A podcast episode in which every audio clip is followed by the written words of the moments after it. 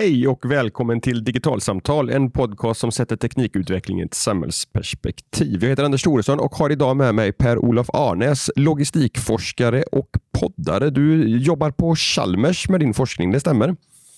Jajamän, det gör jag. Jag Ja. är väldigt intresserad av transportindustrins digitalisering. Ja, sjukligt intresserad påstår du ibland till och med. Att du. Ja, min familj bland annat. Eh, Ja, så att, jo, men det stämmer. Ja.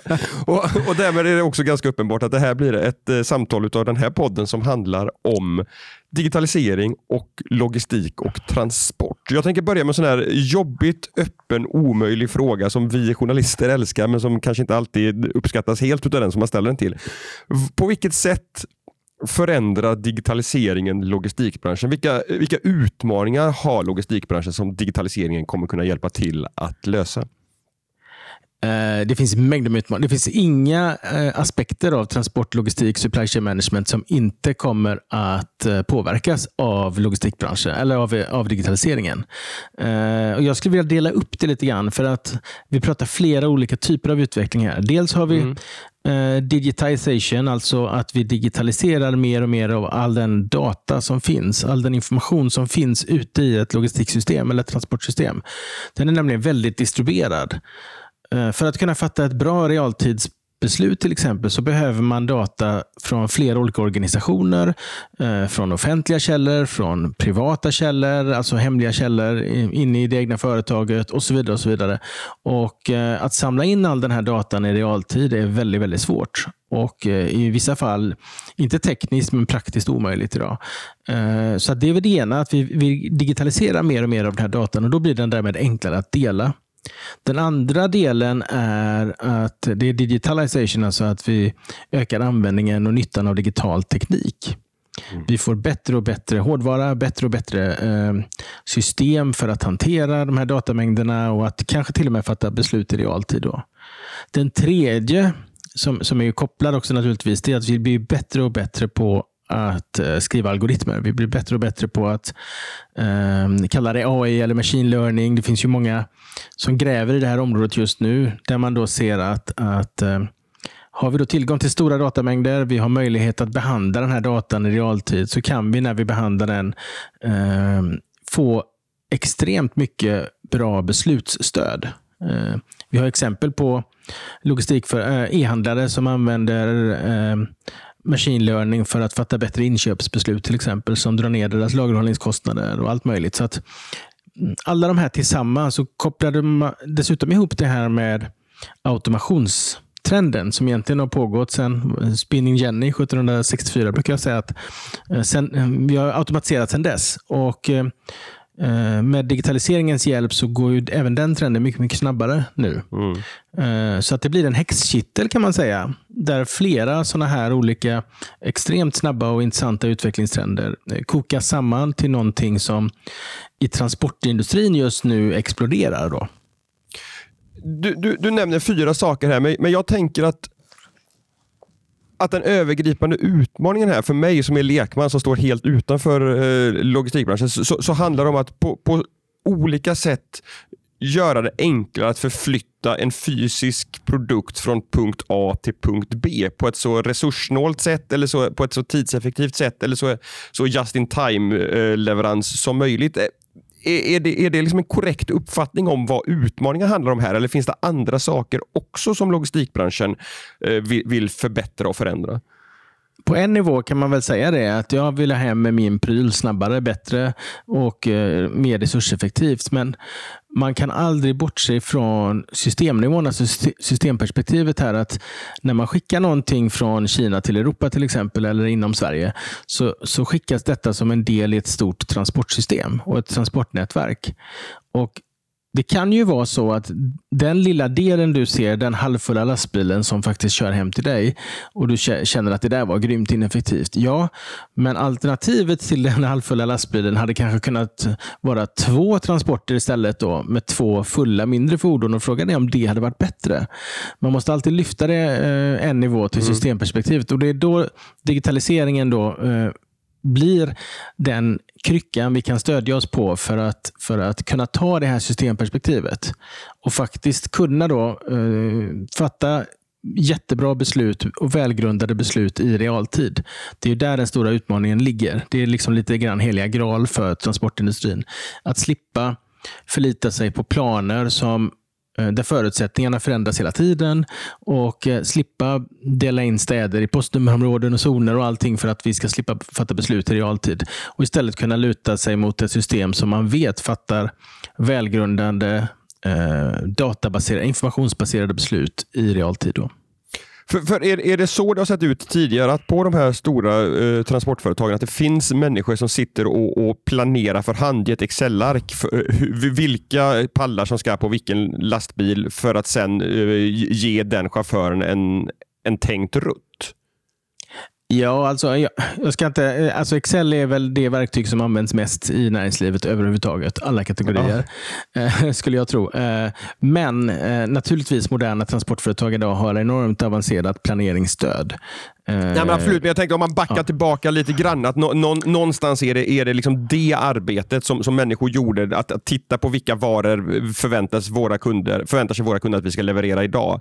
Och, och, och, från början var det penna och papper och nu går vi allt mer liksom mot olika typer av digitala verktyg mot en realtidsplanering som kanske sker utan mänsklig påläggning överhuvudtaget.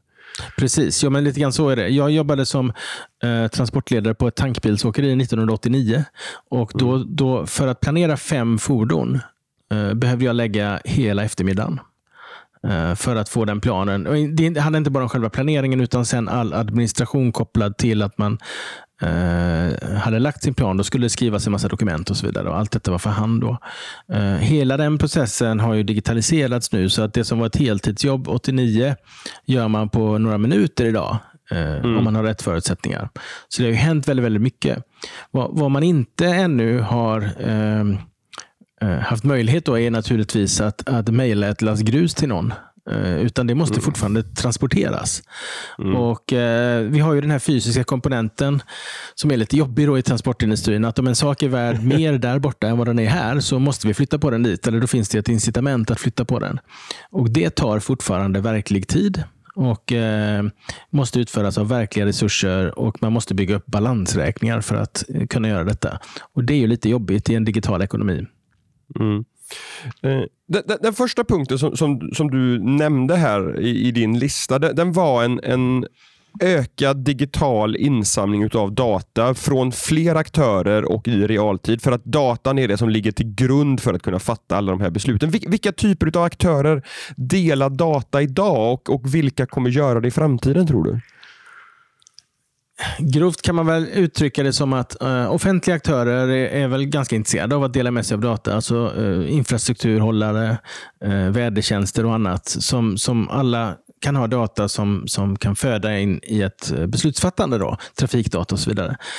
ju närmare du kommer affären, desto mindre villig är aktörerna att dela med sig av data. Till slut kommer vi in också i, i det som är personlig data alltså mm. personuppgifter. Och Det får man ju inte dela hur som helst heller. Så att, eh, Det finns ett antal eh, säga barriärer eller, eller eh, hinder som, som, för, ja, saker som förhindrar att man eh, kan eller vill eller kanske till och med får dela eh, data. Så att eh, ett företag, till exempel ett transportföretag, de delar så lite data med så få som möjligt för att uppnå så stor nytta som möjligt ändå. Eh, mm. kan man väl säga. Eh, men det där är ett synsätt som då måste eh, förändras lite grann. Jag är involverad i ett stort EU-projekt som heter Iolix. Och där, där tittar vi just på informationsdelning. Då. Eh, kan man skapa en, en gemensam slags plattform eller växel? Jag brukar jämföra det med If this then that, alltså IFTTT som är en fantastisk tjänst som kopplar ihop alla andra tjänster och prylar utan att de själva är medvetna om det så blir de en del i ett stort system då, där IFTTT sitter som en slags växel och har lärt sig prata med din smarta termostat och din garageport och ditt Facebook-konto. Så att de här tre kan interagera och göra en massa saker baserat på vad som händer i de olika kanalerna. Och vi är på väg mot ett um, en digital infrastruktur, kan man säga, ett digitalt ekosystem i transportindustrin och logistikindustrin, där man kan göra den här typen av saker För det kommer ju med helt andra krav än vad vi har när vi vill eh, posta en bild på Instagram efter att vi har laddat upp den någonstans i någon katalog i en Dropbox.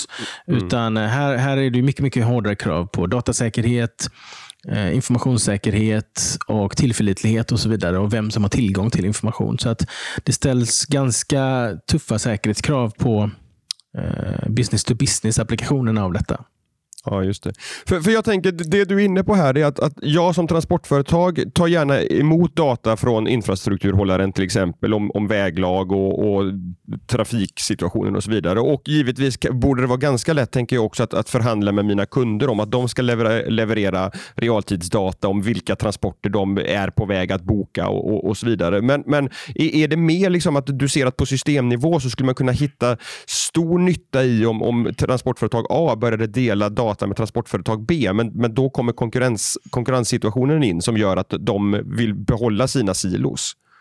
Ja, alltså silos är ett bra uttryck där. Eh, det finns ju, tittar man på åkeribranschen till exempel så kan en bra vinstmarginal vara ungefär 2 det vill, mm. Vad det vill säga är att man sitter på en gigantisk balansräkning eh, i form av investeringar som måste rulla 24-7 för att man ska vara lönsam. Ehm, men tittar man då på, jag brukar ta ett exempel, man tittar på en stadskärna i en stor stad. Låt säga att tusen lastbilar kör in under förmiddagen i den här stora staden för att hämta eller lämna gods. Och Ingen av de här vet vad de 999 andra håller på med. Ingen av dem kommer att vara fullastad antagligen. Eh, och Alla ägarna till de här fordonen hade utan tvekan valt att samarbeta om de hade kunnat garantera servicenivån till deras kunder och eh, att de inte blev av med kunderna till konkurrenterna utan att man behöll sin affär. Eh, så att hade man kunnat dela den datan eh, på ett säkert, bra sätt så hade de här tusen lastbilarna kanske kunnat bli eh, 600 lastbilar som då hade varit fulla och ändå utfört samma tjänster. Och Det är det här som är lite grann den stora utmaningen då, att knäcka den här koden. Och En sak som kan möjliggöra det, det är ju den mekaniken vi ser inom delningsekonomin. Till exempel. Kan, kan du utveckla? Vad, vad menar du? Ja, alltså alla vet ju hur Uber och Airbnb och de andra mm. funkar. Att de är ju i, i grund och botten en, eller tjänster som matchar supply mot demand. Mm. Och i, På en traditionell marknad så har man haft ganska få varianter på supply-sidan. Det vill säga man har en short tail of supply men man kan fortfarande ha en ganska lång tail of demand. Vi ser ju det när vi ska åka och bo någonstans. Att vi, det finns inte så många olika sätt att bo när man inte är hemma. Det är hotell, vandrarhem, eh, bed and breakfast och så vidare. Och in kommer då ett Airbnb på marknaden som säger att nej, men vi kan ersätta stora Marriott, hotellkedjan, med tusen lägenhetsinnehavare istället. Som hyr ut sin lägenhet en vecka per år var. Och, och eh, På samma sätt ser vi nu tjänster som har poppat upp inom transportlogistik som är rena matchmaking-tjänster mellan supply och demand. Som gör att företag som har ledig kapacitet kan annonsera den kapaciteten eller företag som har ett transportbehov på marginalen kan få det utfört utan att de behöver sätta in egna resurser. Eh, och Ska man ha någon liknelse så skulle jag nog likna det mer vid Tinder än vid Airbnb och Uber. Då. Eh, att man, man får någon form av kort, eh, kort förhållande till en varuägare till exempel.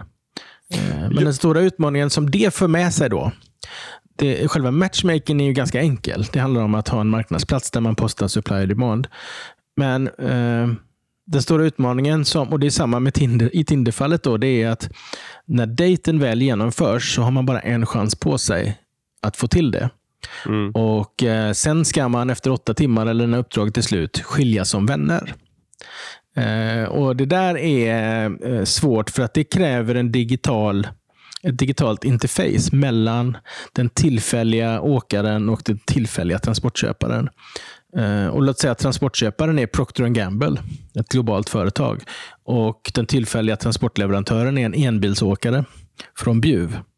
Eh, då är det här styrkeförhållandet ganska ojämnt dem emellan. Så ska de klara av att eh, umgås affärsmässigt under kanske 13 timmar medan en transport utförs, då måste det finnas en digital infrastruktur i botten som låter dem göra detta. Mm.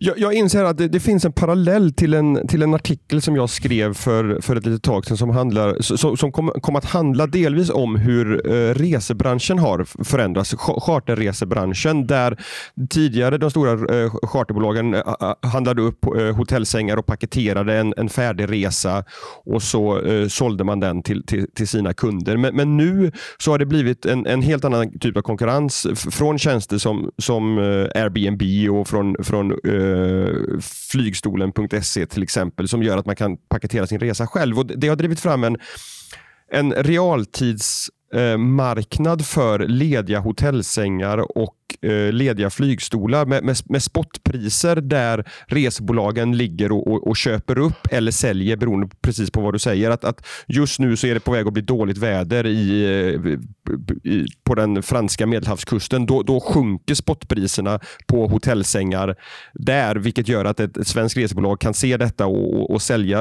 Och det, det blir på något sätt den här underliggande infrastrukturen i, i en väldigt specifik del utav en, en som, som är en transport, transportbransch också, nämligen flygstolarna. Är, är det någonting liknande fast för varutransporter du ser framför dig? Skulle, att det finns utrymme för någonting sånt där också? Ja, alltså jag gillar dina exempel här för att eh, man ser mycket av det här till, tillfälliga. Men, eh, och Transport är ju en tjänst. Det vill säga, det går mm. inte att lagra den utan den, den, eh, den produceras när den produceras och sen finns den inte längre. Eh, och Det gör ju den svår att eh, det, det, går inte att göra ett blocket för transporter där man kan skicka det när man känner för det. Utan när man har något som behöver flyttas, då behöver det också eh, utföras enligt den specen som, som eh, kunden har. Mm. Och, och ehm, eh, Det med hotell och, och eh, spotmarknad. Ja, låt säga att transportsystemet är 80 procent eller något sånt där, 70 procent utnyttjat. Resten är förluster på grund av att fordon behöver ompositioneras för att eh, vetet växer i Skåne men äts upp i Stockholm. Malmen bryts i Norrland men ska bli bildörrar i, i, i Torslanda. Så att eh, vi har ett behov av att flytta på saker och då har vi också ett behov av att positionera om transportenheter, eh, fordon, lastbärare och annat. För att det går aldrig att få 100% fyllnadsgrad i alla riktningar. Men om man då har ett sådant system där det då finns naturligt luft i, för det måste det finnas, där man på marginalen med ganska låg friktion kan hitta hitta de här procenten som gör att man inte behöver köra omkring med luft hela tiden, utan man kan fylla det lite grann med saker eh, som inte är din huvudaffär, men det, det, det, hjälper dig. Då har man ju möjlighet att höja sin lönsamhet, ungefär som att de jagar hotellsängar när det, eh, när det, behövs, när det är jättehög efterfrågan till exempel. Så mm. att, eh, ja, jag skulle vilja säga att det finns en klar parallell med det där. Mm. Finns det några initiativ, finns det några startups, några större aktörer som har liksom visat intresse för initiativ att börja att bli den här mäklaren utav, utav ledig transport kapacitet? Det har väl dykt upp en i månaden sedan 95 ungefär. eh, faktiskt. Jo, men det, det, finns väldigt många fraktbörser där ute och förmedlingstjänster. Det insåg ju alla när internet kom att det här är ju ett sätt att, att uh, flytta den här ganska jobbiga processen med förhandling, uh, ringa upp fem leverantörer och så vidare. Flytta ut den på nätet för att då sänka de här transaktionskostnaderna. Så det, jo, det finns många. det dyker upp nya hela tiden. Vi har företag företag som jag har träffat här i Sverige är Cargo Space 24 till exempel. Eh, och eh, AdNavem som jag kommer att eh, ha ett avsnitt med i min egen podd så småningom här. Där det handlar om att matcha supply och demand vad det gäller frakter till och från Asien till exempel. Så att ja, det dyker upp flera företag och det är ett sundhetstecken också. Att det dyker upp startups inom den här branschen som man måste säga att utvecklingen har gått ganska långsamt fram till nu. Men nu ser man att nu börjar det verkligen ta fart. Vad, vad är det som gör att inget av de här har, har lyft riktigt än? Då? De har nog lyft, fast vi, vi, vi eh, ser inte så mycket av det här i Sverige. Vi har en lite speciell Nej. geografi. Det är väl min, min gissning här att, att eh, vi är ett lågdensitetsland vad gäller befolkning. Vi har stora avstånd. Eh, vi har redan nu samordning i norra Sverige till exempel. De stora speditörerna samordnar sina flöden där, men vi, vi som konsumenter vi ser inte det. Eh, men det sker ju naturligtvis. Ah, Okej, okay, så vi, vi, vi har ett, ett eh, logistiksystem med, med ganska tjocka piper eh, i, i de stora kanalerna så att säga, där, där speditörerna samarbetar. Men, men sen kommer det ut till oss kommer de ändå med, med sina egna bilar, även om de långa sträckorna kanske de, de fraktar ihop. Ja, tvärtom faktiskt. okay. det, det, är ganska exakt tvärtom. De har nog sina egna piper upp till Norrland till exempel. Men sen den dyra kapillära delen av transportsystemet som vi kallar den, alltså inhämtning, lämning hos, eh, ute på landsbygden. Där samlastar de, för de fordonen är, blir ju annars extremt olönsamma. Ah, just det, så att, såklart. Eh, så, så, att det är där de sam, samverkar. Vi ser ju en ganska kul utveckling här nu. Det är väl, eh, jag vet inte hur, hur kopplat det blir till digital utveckling, men det behövs ju eh, för den underliggande. Vi ser nya aktörer poppa upp som då eh, Mathem och Mat.se till exempel brukar man nämna som exempel. De säljer ju numera mat på nätet eh, just nu, men de är ju ett företag de är företag som bygger upp ett distributionssystem som når svenska hem mm. kvällstid med tidsfönster på 15 eller 30 minuter. Mm det är inte kattskit kan man säga. Det är ganska bra gjort att nå svenska hem med, dem, med den precisionen. Det är väldigt få som klarar av det. Så naturligtvis, när de sitter på sina egna fordonsflottor så kommer de att fylla dem med mer, eh, med mer gods. Och Det är mm. e-handelsgods framförallt som kommer att hamna i de systemen. Eller tidningsbuden har börjat bära ut e-handelsgods. Så vi ser ju en ganska stor säga, omstrukturering här och det är ju digitaliseringen som ligger till grund för den till stor del. Mm vad är det som gör att de här, för, för menar, alla har vi sett och kanske också skrivit de här statusuppdateringarna på Facebook och på Twitter där vi, där vi svär över att budet skulle komma någon gång mellan, mellan 13 och 17 men dök inte upp och påstår att de har varit där. Men jag har ju suttit hemma och vaktat dörren liksom, på en pall på ja. utsidan hela tiden. Och så kommer de här nya aktörerna och faktiskt kan hålla de här 15 minuters slottarna med ganska hög tillförlitlighet. Va, vad är det som de gör rätt? Som inte de, de etablerade stora aktörerna har klarat av att göra än så länge. Om man tar bort ditt ord rätt där och sen vad är det de gör som inte de andra gör, så är det ja. att de, de betalar dyrt för det. Eh, ah, okay. Det här är ju extremt dyrt uh, att göra detta. Uh, att låsa upp resurser, att göra det kvällstid när det är uh, högre löner måste man betala ut och så vidare. det här är en, en ekvation som i längden inte går ihop om inte man får upp volym i det. Och För mm. att få upp volym i det behöver vi ha hit ett Amazon eller liknande. Mm.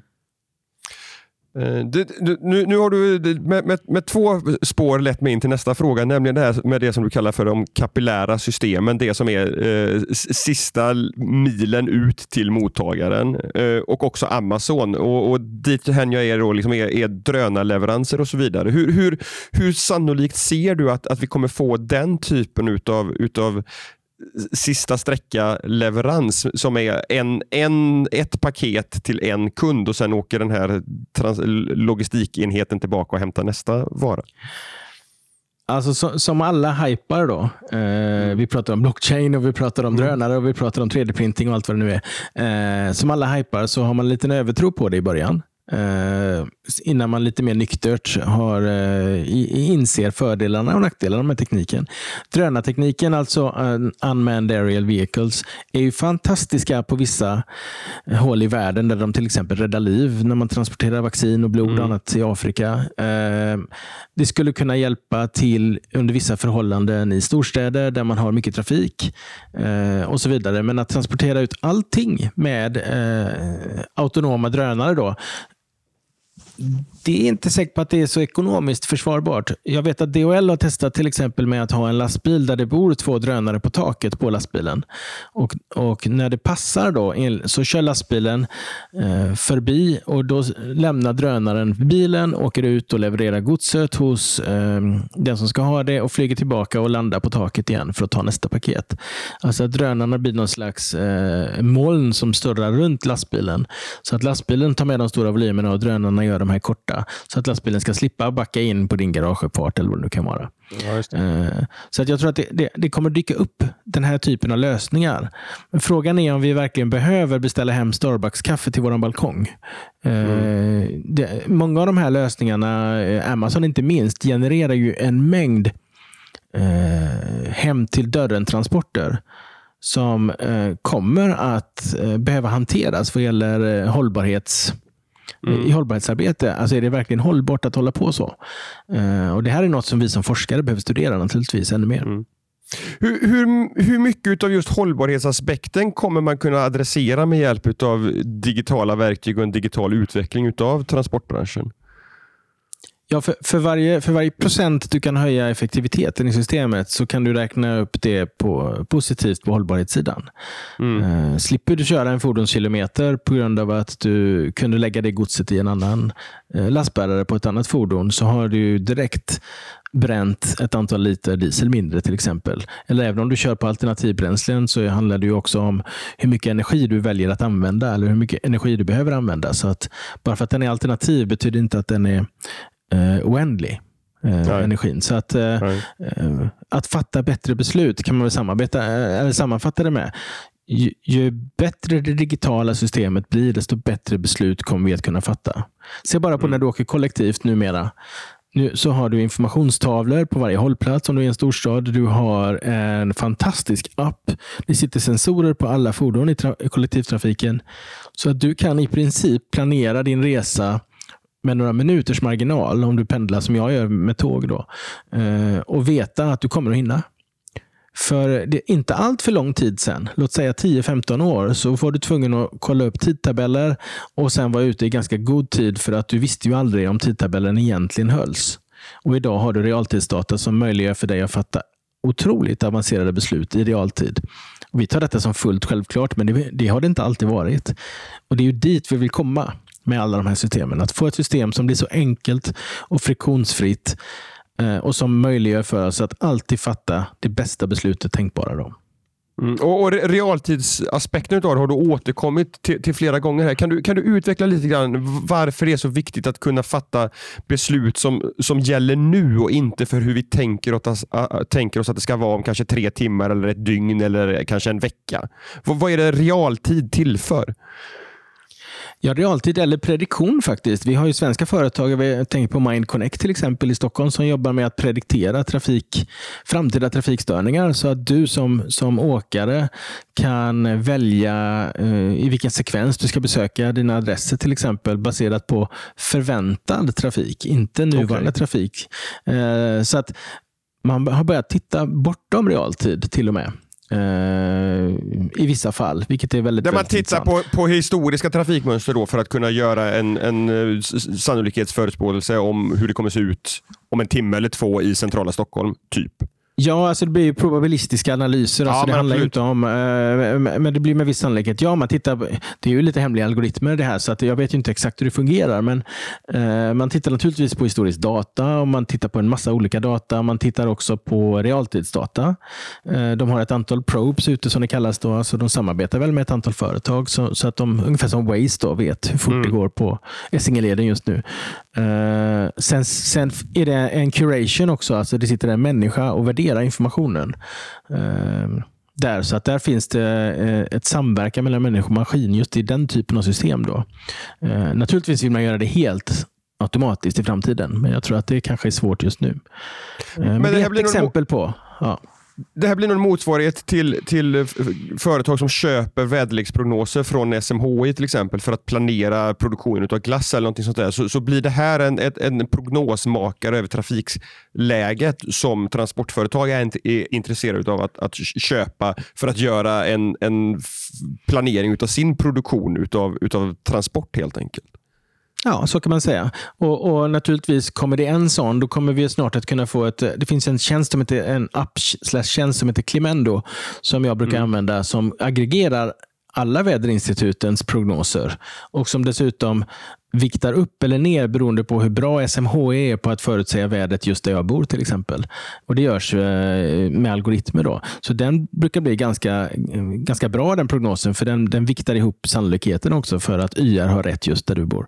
Och, och Ehm, det är väl, ligger väl inte riktigt där, men snart hoppas jag att vi kan komma till ett läge där flera sådana här olika tjänster som predikterar trafikstörningar och, och annat kan samverka och bli någon form av meta-beslutsstödsystem. Då. Ehm, det skulle vara väldigt häftigt. Mm. Ehm, på, på lång sikt, hur, hur kommer ett, ett logistiksystem se ut, eh, tror du? För att avsluta med en lika stor och öppen fråga som vi började med. Ja, det här är en fråga som sysselsätter väldigt många människor. Det skrivs enormt många roadmaps eh, på EU-nivå och annat. Jag har varit med i ett gäng av dem. Eh, problemet här är att vi har så, så olika typer av investeringscykler. Tittar mm. vi på infrastrukturcykeln så är ju den, eh, pratar man om 50-årsperspektiv och annat på när man bygger en ny väg och så vidare. Och Tittar man på fordon då så kan man säga att en lastbil i Sverige till exempel har väl en ekonomisk livslängd på kanske 6 till 8 år som mest. Det betyder ju inte att den lastbilen slu, slutar gå, utan den lastbilen säljs vidare till någon annan marknad där den kanske går i lika lång tid till eller ännu längre. Och Sen tittar vi på eh, de digitala cyklerna som är otroligt mycket snabbare. Eh, som hinner gå igenom flera generationers utveckling under en lastbilsgeneration. Så, så att eh, Ska man prediktera framtiden så kan vi väl säga att eh, jag brukar älska att citera William Gibson att framtiden är redan här men den är ojämnt distribuerad. Det vill säga vi kommer att ha extremt avancerade tjänster. Vi kommer att ha extremt avancerade eh, digitala hjälpmedel eh, som kommer att kunna eh, göra mycket av det vi, vi gör idag på ett annat sätt.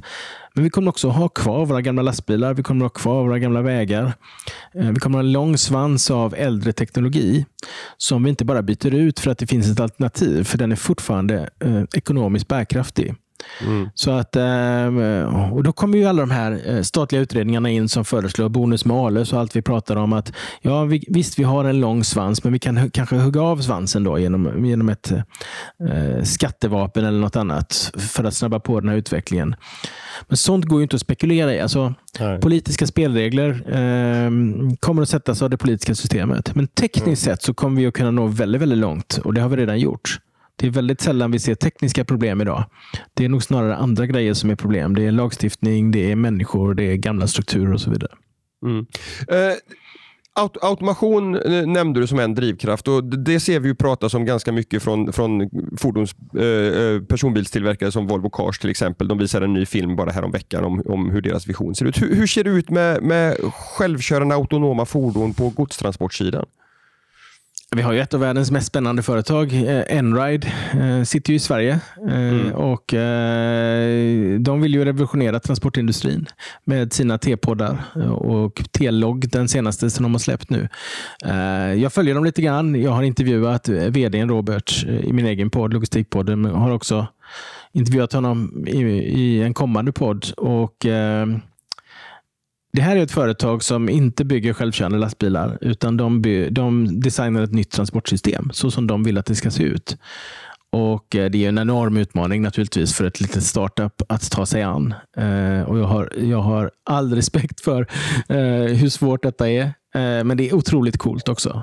Vi ser ju vad de gör. De driver ju två utvecklingstrender samtidigt. De driver ju dels självkörande, eh, men också elektrifierat. Mm.